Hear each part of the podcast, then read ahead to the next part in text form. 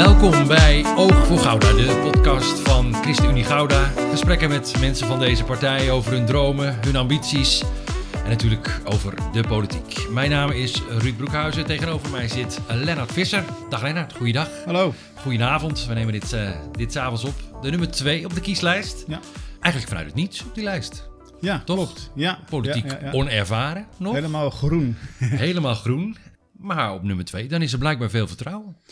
Ja, nou, ehm, ik stond eerst op vier, maar twee mensen ertussen die eh, sprongen weg. Ja. En dan eh, sta je opeens op twee. Ehm, maar dan is er nog steeds vertrouwen natuurlijk, want anders dan zouden ook andere mensen eh, ja. er overheen kunnen springen. Dat vind ik wel bijzonder hoor. Ik ben nou ja, in 2000, eind 2020 eh besturen gemaild of contact genomen en gezegd van hey, hebben jullie iets te doen? En toen nou ja, ben ik gewoon mee gaan doen met de, met de fractievergaderingen. En gewoon eens een beetje meegehobbeld. En ja, zo eh, ben ik eigenlijk ingerold.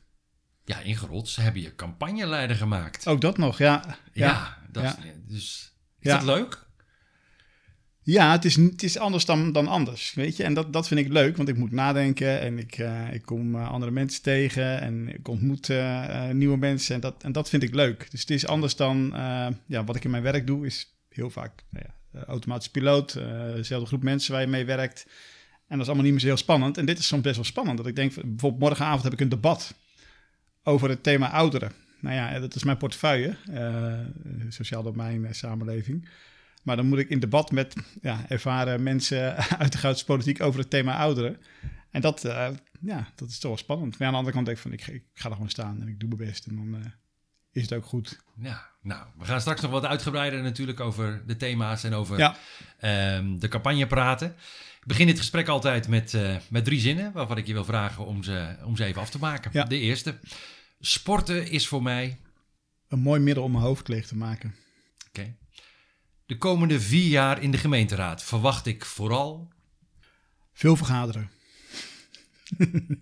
Ja, er wordt veel vergaderd. Ja, ja, ja. Ja. Ben je van het vergaderen?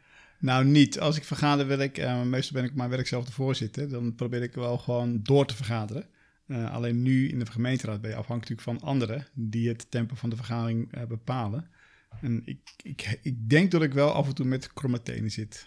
Als je dan wel ziet dat vergaderingen tot één uur s'nachts duren of soms langer, dan denk ik van ja, ik weet niet of dat nou echt zo effectief is. Hmm.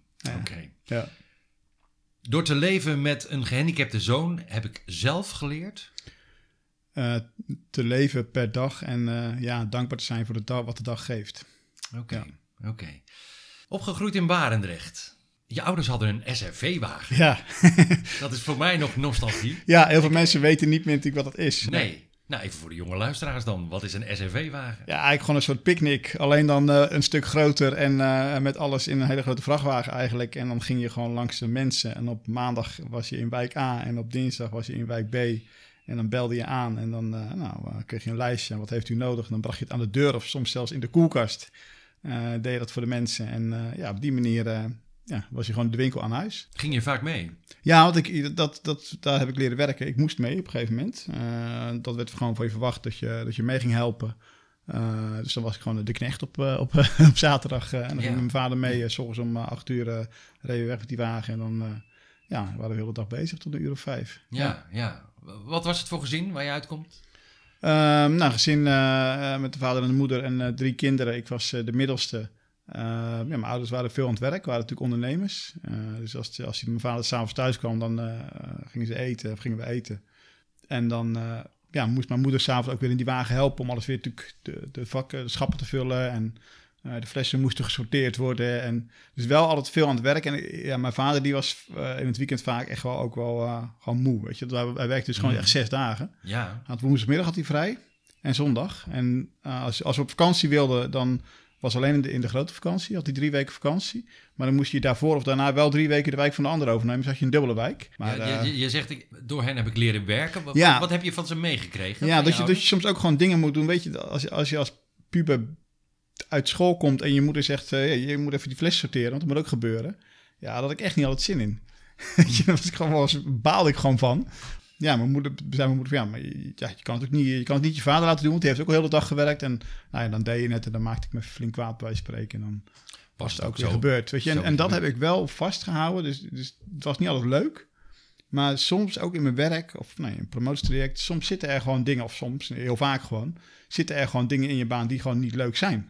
Maar Ja. ik zeg dan altijd, ja, de ene helft is leuk, de andere helft is minder leuk. Maar met elkaar moet het wel eh, gebeuren. Dat probeer ik ook altijd tegen mijn kinderen te zeggen. Je school is niet altijd leuk. Ehm, maar Het ja, als je leven wat- is soms niet Nee, maar leuk. als je wat wil bereiken, dan moet je juist ook eh, eh, ja, dingen overwinnen die je niet leuk vindt en genieten van de dingen die wel leuk zijn. Ja. En op die manier, ja, dat is inderdaad het leven. Ja. Je bent geen ondernemer geworden.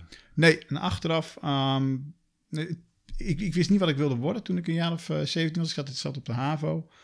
Ehm, ik wilde of VWO doen, zodat ik daarna naar de eh, KMA kon, Koninklijke Militaire Academie. Eh, of ik wilde recht of psychologie doen.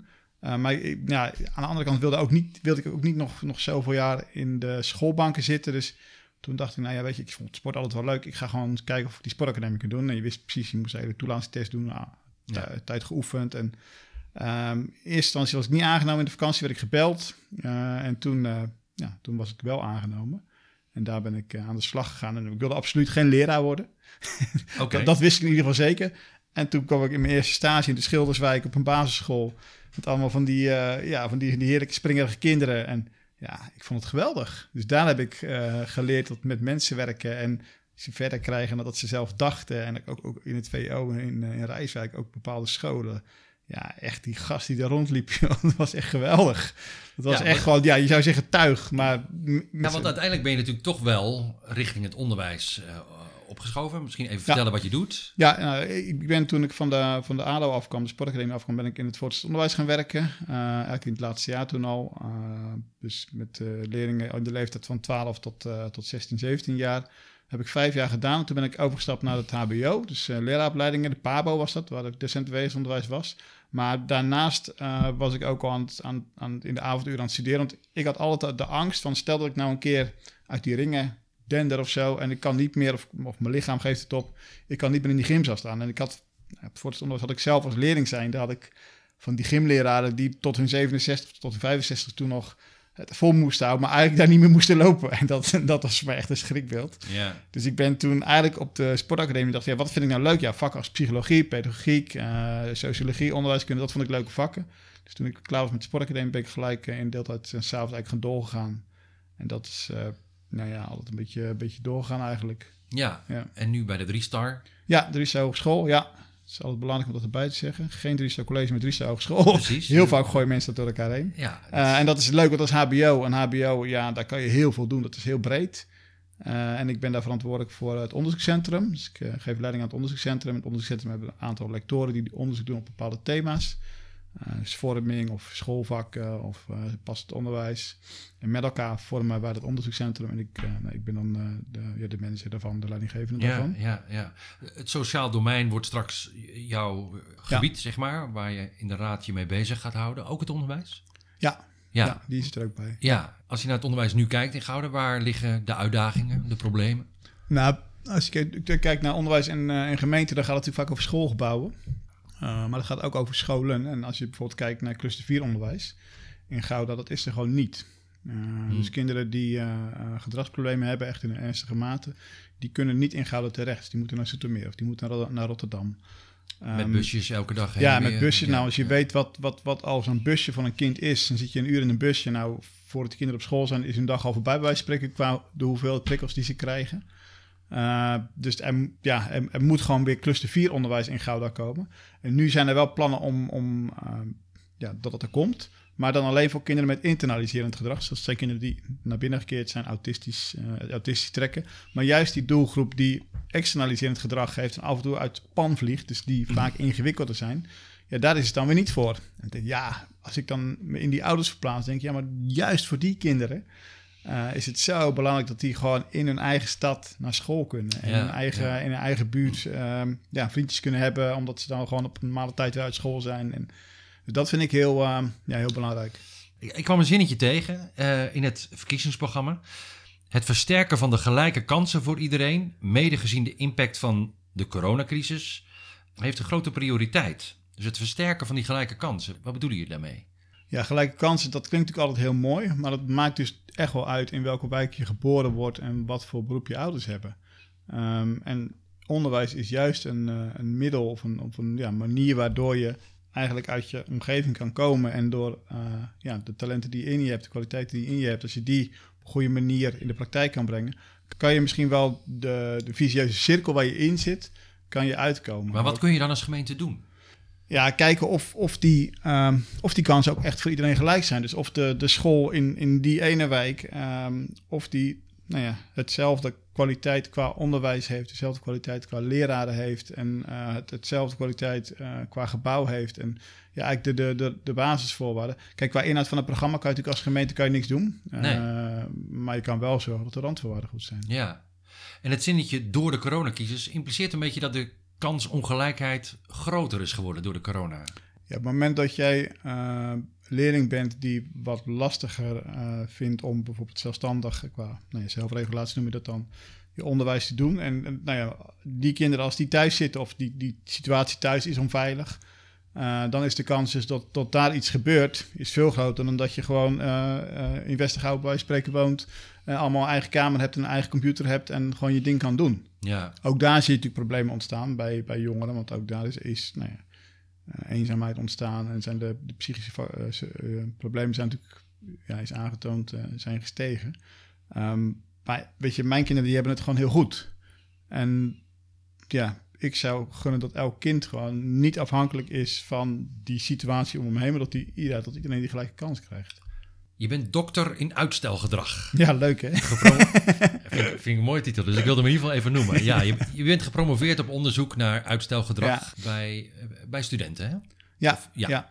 Ja, dat wordt leuk in de politiek. Ja. Uitstel.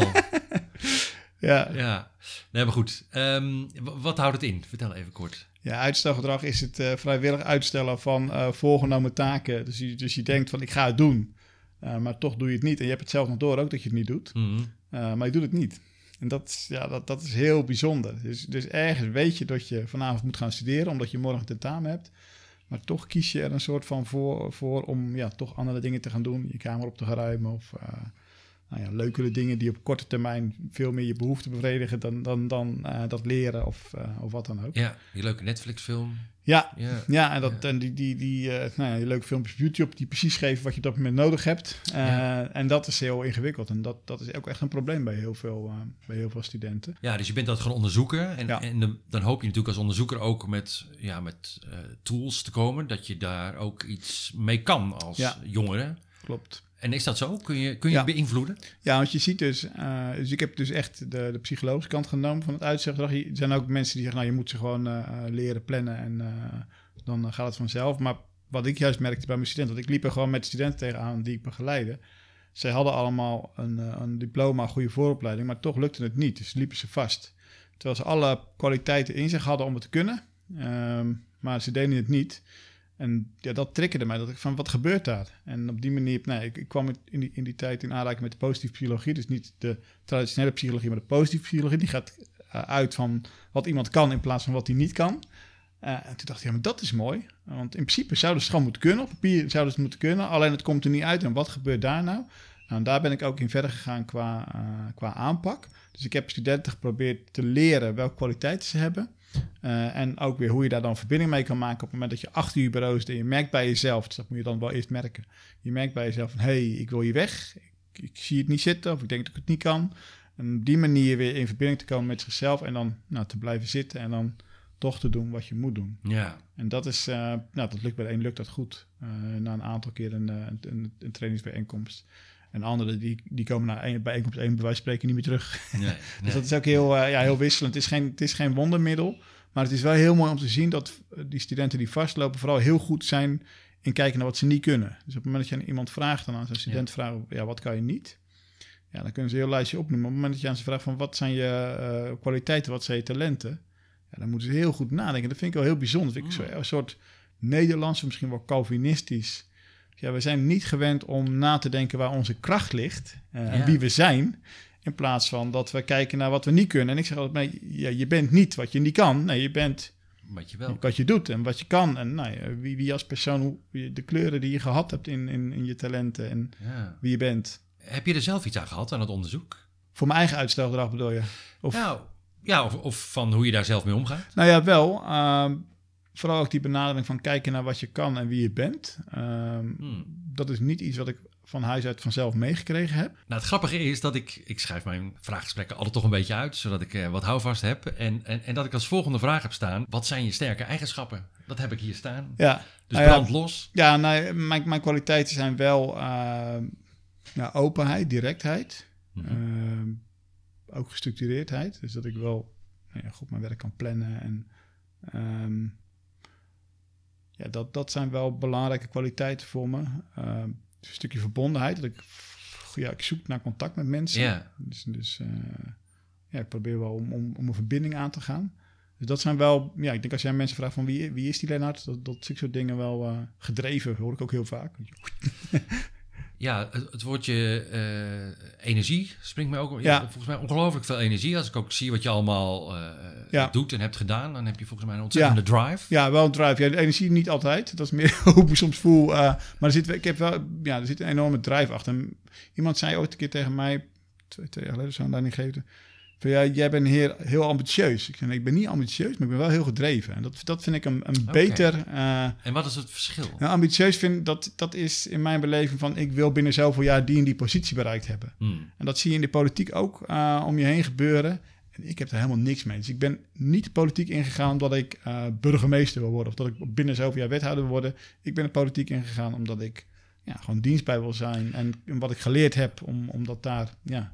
Ehm, ik vraag de mensen ook altijd even om een voorwerp mee te nemen. Je hebt al een intrigerend Ja.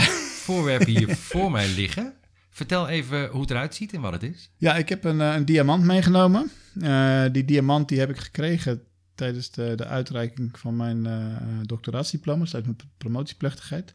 Van een van mijn promotoren. Mhm. Ehm, en dat heeft dus te maken met die kwaliteitenbenadering. Dus die diamant staat voor de kwaliteiten die een persoon heeft. Eh, en dat gaat dus niet om hoe slim iemand is, maar dat gaat dus om ja, wie ben je als mens en wie ben je van binnen. Dat vind ik heel belangrijk om ja, daar naar te kijken bij mensen. In plaats van dat we kijken naar ja, wat doet iemand of wat voor auto rijdt hij of wat voor opleiding heeft hij. Dat we echt kijken naar nou ja, wie is een mens. En, en elk mens heeft dus die kwaliteiten. Een diamant moet je ook altijd slijpen. Ja, Wat zijn eigenschappen bij jou waar, waaraan je nog moet slijpen? Ehm, ja, ik zou wel eens wat, wat, wat meer geduld willen ontwikkelen. ja, ja, dat ik af en toe wel eens denk van jongens, kom op, eh, even wat sneller. Of eh, weet je, dat ik soms wel gewoon, gewoon een beetje, beetje boos word of zo. Ik, Oké. Weet je? Ja. Ehm, en dat is ook goed hoor, want dat, daar zit ook wel een drive achter. ja. Ehm, Dat is ook een energie. maar ik gooi ook wel eens met een deur bij spreken op mijn werk. Of ik geef een klap op tafel. en denk van ja jongens, het schiet gewoon niet op. En dan, nou ja. Lucht lekker op, hè? Ja, op zich wel. Ja, je moet het vooral niet, eh, niet opkroppen. nee. nee. Ehm, je noemde net al even je, je zoontje, eh, Boas. Ja. Ehm, die heeft het Cowden-syndroom. Spreek Ja, ik het goed uit? Dat klopt, ja. Ja, vertel even wat het is. Ja, dat is een syndroom, eh, een bepaalde genetische afwijking, ehm, waar, waarin een ja, persoon die dat heeft, die kan het hebben zonder dat hij het door heeft. Dus je merkt er niks aan. en als je het niet weet, dan, nou, dan weet je ook niet dat je het hebt. Maar je kan het dus ook hebben in de mate waarin Boas het heeft, dat je verstandelijk beperkt bent. Ehm, ja, een heel laag IQ hebt, eh, om maar zo te zeggen. Hij zit dan op het niveau van een kindje van, eh, van 1 ongeveer, terwijl die 8 is. Ehm, er zitten ook allerlei eh, ja, kansen dat hij tumoren krijgt, goed aardig, kwaad aardig. Dus het is wel een heel, eh, ja. Een zorgenkindje. Ja, zeker, ja. ja. Ehm, dus zorgen is bijna eh 24-7 voor jullie. Ja. Bij Ja. jullie thuis in ieder geval. Ja. Ja. er is altijd iemand met boos bezig van ons als ouders zijnde. Ja, Ja, is het zo? Je Ja. bent bijna altijd een van jullie twee, van jou. ja jij want je moet hem eh, altijd begeleiden, want ja, hij weet niet eh, wat gevaar is en hij weet niet eh, nou ja, wat, wat, wat wel en niet kan. Dus, dus je moet er altijd bij zijn. Ja, en je noemde net al even dat je vanwege de zorg voor hem ehm, al met de gemeente te maken hebt gehad. Ja. In welke zin? Nou op een gegeven moment heb je bijvoorbeeld een, een wagen nodig waar hij kan zitten. Hij kan wel lopen, maar hij loopt niet altijd de kant op die wij willen. Mm, ja. Dus op een gegeven moment dan, eh, dan of dan gaat hij op de grond liggen en dan, eh, dan krijg je niet meer mee. En dan ja, heb je wel een hulpmiddel nodig waar je hem in kan zetten. Of als die moe is, waar je hem in kan zetten. Ja, als je dat, dat aan moet vragen of een, een autostoel voor in de auto. ja, als je dan kijkt hoeveel drempels je over moet, uh, hoeveel telefoontjes, hoeveel mensen, hoeveel brieven je krijgt, waarin dingen staan dat je denkt van ja, maar waar gaat het over? En ja, gewoon heel onnodig ingewikkeld soms. Dus jij dacht, dat kan beter? Nou, dat dacht ik wel. Ja, En, en, dat, dat denken we nog steeds als we, als we brieven krijgen of, of uh, aanvragen moeten doen van ja. Weet je, op het moment dat je een kind hebt die zit in het hele circuit van uh, gehandicapt zijn, hij wordt echt niet beter. Zij wordt echt niet op een gegeven moment dat hij dat die dingen anders kan. Of, uh, maar toch moet je elke keer weer soort van aantonen, ja, maar het is zoals het nu is. En om de zoveel jaar, en nu is het nu in de wet langdurige zorg, dus dat is niet meer bij de gemeente, maar dat is landelijk. En dat is al op zich heel bijzonder dat hij daar al zo jong in zit. Maar toch moet je weer om de zoveel jaar alle testen doen en alles weer opnieuw aanvragen. En nou ja, dat is wel eens een heel, uh, ja, heel circus qua ja, ja. procedures en ingewikkelde vragenlijsten. En dan denk ik van ja, zo'n vragenlijst, ik, ik, ben opgeleid tot wetenschapper, dus ik weet wel hoe een vragenlijst zit. Maar soms moet ik echt nog nadenken, ja, maar wat bedoelen ze hier? En denk van ja, als je als, als ouder daar zit en je spreekt de taal niet, of je bent anders opgeleid of wat dan ook, ja, dat kan gewoon niet. is te ingewikkeld. Te ingewikkeld, ja. ja, ja, Dus ja, je noemt al een aantal dingen, maar straks zit je in die gemeenteraad. Wat, wat ga je aanpakken? Nou ja, op het moment dat, dat er dingen, um, ja, dat, dat bijvoorbeeld de toegang tot zorg niet goed is, of uh, ik weet bijvoorbeeld bij ons in de wijk, uh, een paar staat verderop, is er gewoon een jongetje wat thuis zit. Wat, wat ook verstandelijk beperkt is. En die ging eerst naar een school in een, uh, in een, in een plaats buiten Gouda. Had hij toestemming voor gekregen van, van, uh, van het sociaal team. Terwijl ik al denk, ja, maar waar, waarom doe je dat? Waarom ga je een kind in buiten Gouda naar een school laten gaan... terwijl de zorg er in Gouda ook is? Nou, ik, misschien om, om, om toch binnen de zorg nog te houden. Nou, dat is niet goed gegaan op je school. Nou zit, zit het jongetje thuis, kan nergens terecht, want overal zijn wachtlijsten. Hmm. Ja, en, en dat is voor zo'n moeder is dat zo'n, heeft zo'n grote impact. Uh, spreekt ook de taal niet goed, uh, is niet, uh, niet Nederlandse achtergrond. Ja, dat is heel ingewikkeld. Ja, ja dat, dat, dat, als je nou gewoon naar zo'n kindje kijkt en naar zo'n gezinssituatie kijkt, ja, dat, dat doet gewoon pijn. Ja. ja. dat, dat, dat kan gewoon niet. En daar zou gewoon een oplossing voor moeten komen. Maar weet je ook hoe? Ja, dat, dat, dat is een goede vraag. Nee, daar ga je straks ja, over. Ja, ja. Ja. Nou ja, als je met elkaar weet van hé, hey, er zijn zoveel kinderen en uh, er is zoveel of zo weinig plaats. Ja, dan zou je toch met elkaar moeten gaan kijken van kunnen we dan uh, die plaatsen uitbreiden? Of zitten er misschien kinderen nu in die zorg die er niet moeten zitten? En daar met elkaar heel goed naar kijken. Ja, ja. ja. Doet dat ook iets met je als je steeds ergens aan moet kloppen? Uh, als, als mens? Ja. gewoon als vader die voor zijn kind zorgt, maar dat je steeds ja. moet vragen van... Ja, je krijgt het gevoel dat je, dat je op een gegeven moment lastig bent. Hmm. Omdat je... Nou ja, ik heb altijd het gevoel dat ik moet vechten om iets gedaan te krijgen. En nou ja, in die rol ga ik dan ook heel snel. Dus op het moment dat ik denk van jongens, er wordt, er wordt ons weer onrecht aangedaan, ja, dan, dan schiet ik in een soort van in de, in de vechtmodus. Uh, en dan kom ik er wel uit, uh, want ik kan heel goed brieven schrijven en uh, mensen bellen en dan heb ik mijn mondje wel bij me. Maar stel dat het nou niet zou kunnen, ja, dan zou ik misschien wel in de bevriesmodus als, als ouder komen. En wordt het gewoon, gebeurt gewoon niet wat moet gebeuren. Ja. Van, ja, maar het moet niet afhangen van de mondigheid van de aanvragen. Nee, het systeem moet zo zijn dat iedereen de zorg krijgt ja, die hij nodig heeft. Maar je geeft eigenlijk het belangrijkste al aan. Je moet het gevoel krijgen dat je niet tot last bent. Ja. Hoe zou je dat kunnen veranderen? Ja, dat, dat zit hem in, in het menselijke contact. Dat je contact kan hebben met, met een persoon uh, bij de gemeente die je kent, waarvan je de naam kent, waarvan je weet wie het is. Dus niet iemand die, waar je alleen maar een stem van kent, maar die je gewoon eens gezien hebt en die bij jou misschien wel eens thuis geweest is aan de, aan de keukentafel, uh, waar je een warme band mee hebt. Ja. En dat je weet van nou, als ik wat nodig heb, dan kan ik met die persoon kan ik daarover in gesprek gaan en kunnen we met elkaar kijken welke mogelijkheden zijn er. Uh, kan, Ja. ik dat, nou ja, kan, ik, kan ik die hulp vragen, of kan ik die hulp krijgen die, die ik nodig heb? Of kan ik dat hulpmiddel krijgen wat ik nodig heb? Ehm, in plaats van dat je de ene week persoon A treft, of de andere week persoon B, of je wilt persoon A bellen, maar die is er niet. Dus dan word je drie dagen later teruggebeld. En ja, dat, dat, daar heb je helemaal geen tijd voor, want je hebt het gewoon heel erg druk als mantelzorger met overleven en de zorg leveren voor je, ja, voor je kind of voor Ja, je partner ja, of voor je vader of je moeder of wat dan ook. En heel eerlijk, is dat te bereiken? Dus dat is gewoon een persoonlijk aanspreekpunt voor iemand is bij de gemeente? Dat lijkt mij vrij simpel te, te, te regelen, toch? Je kan toch gewoon opdelen eh, wie met wie te maken heeft. En ja, Ja, ik kan me niet voorstellen als we dat met elkaar willen dat dat niet kan. nee. Dus gewoon over vier jaar is dit geregeld. Dat is wel iets waar ik voor ga. Ja, nou, precies. Ja. Nou ja, over vier jaar. We zitten nu een kleine. We zitten ruim twee weken voor de verkiezingen als we dit opnemen. Uh, je bent campagneleider, zei ik net al. Ja. Hoe loopt de campagne? Ja, dat, het was. Ja, dat was natuurlijk corona, de coronacampagne. Dus heel veel online. Uh, daar zet je op in, goede filmpjes maken, uh, proberen online content te maken. En we zijn nu twee weken geleden voor het eerst op een zaterdag bijvoorbeeld de stad ingegaan met, ook met mensen in gesprek gaan. Afgelopen zaterdag ben ik zelf in en Bloemendaal ook geweest met een, uh, met een aantal uh, nou ja, uh, collega-raadsleden. en dan ga je proberen met mensen in gesprek te gaan en ja, op die manier ook campagne te voeren. Ja, we nemen dit op als er natuurlijk ook een oorlog gaande is. Ja, maar ja, dan denk ik wel, als je dat woord oorlog, oorlog noemt, ja, maar wij, wij leven dus wel in vrijheid. Wij leven wel in democratie, dus wij kunnen nog, wij hebben iets te kiezen. Hè? En laten we dat met elkaar dan ook doen.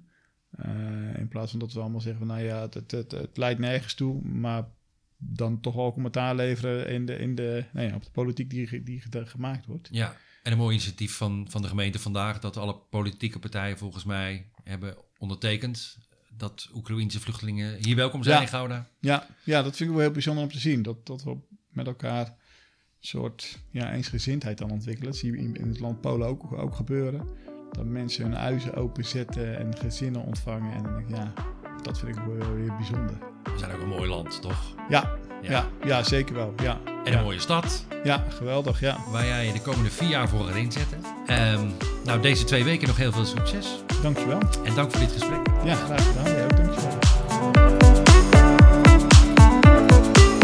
Oog voor Gouda.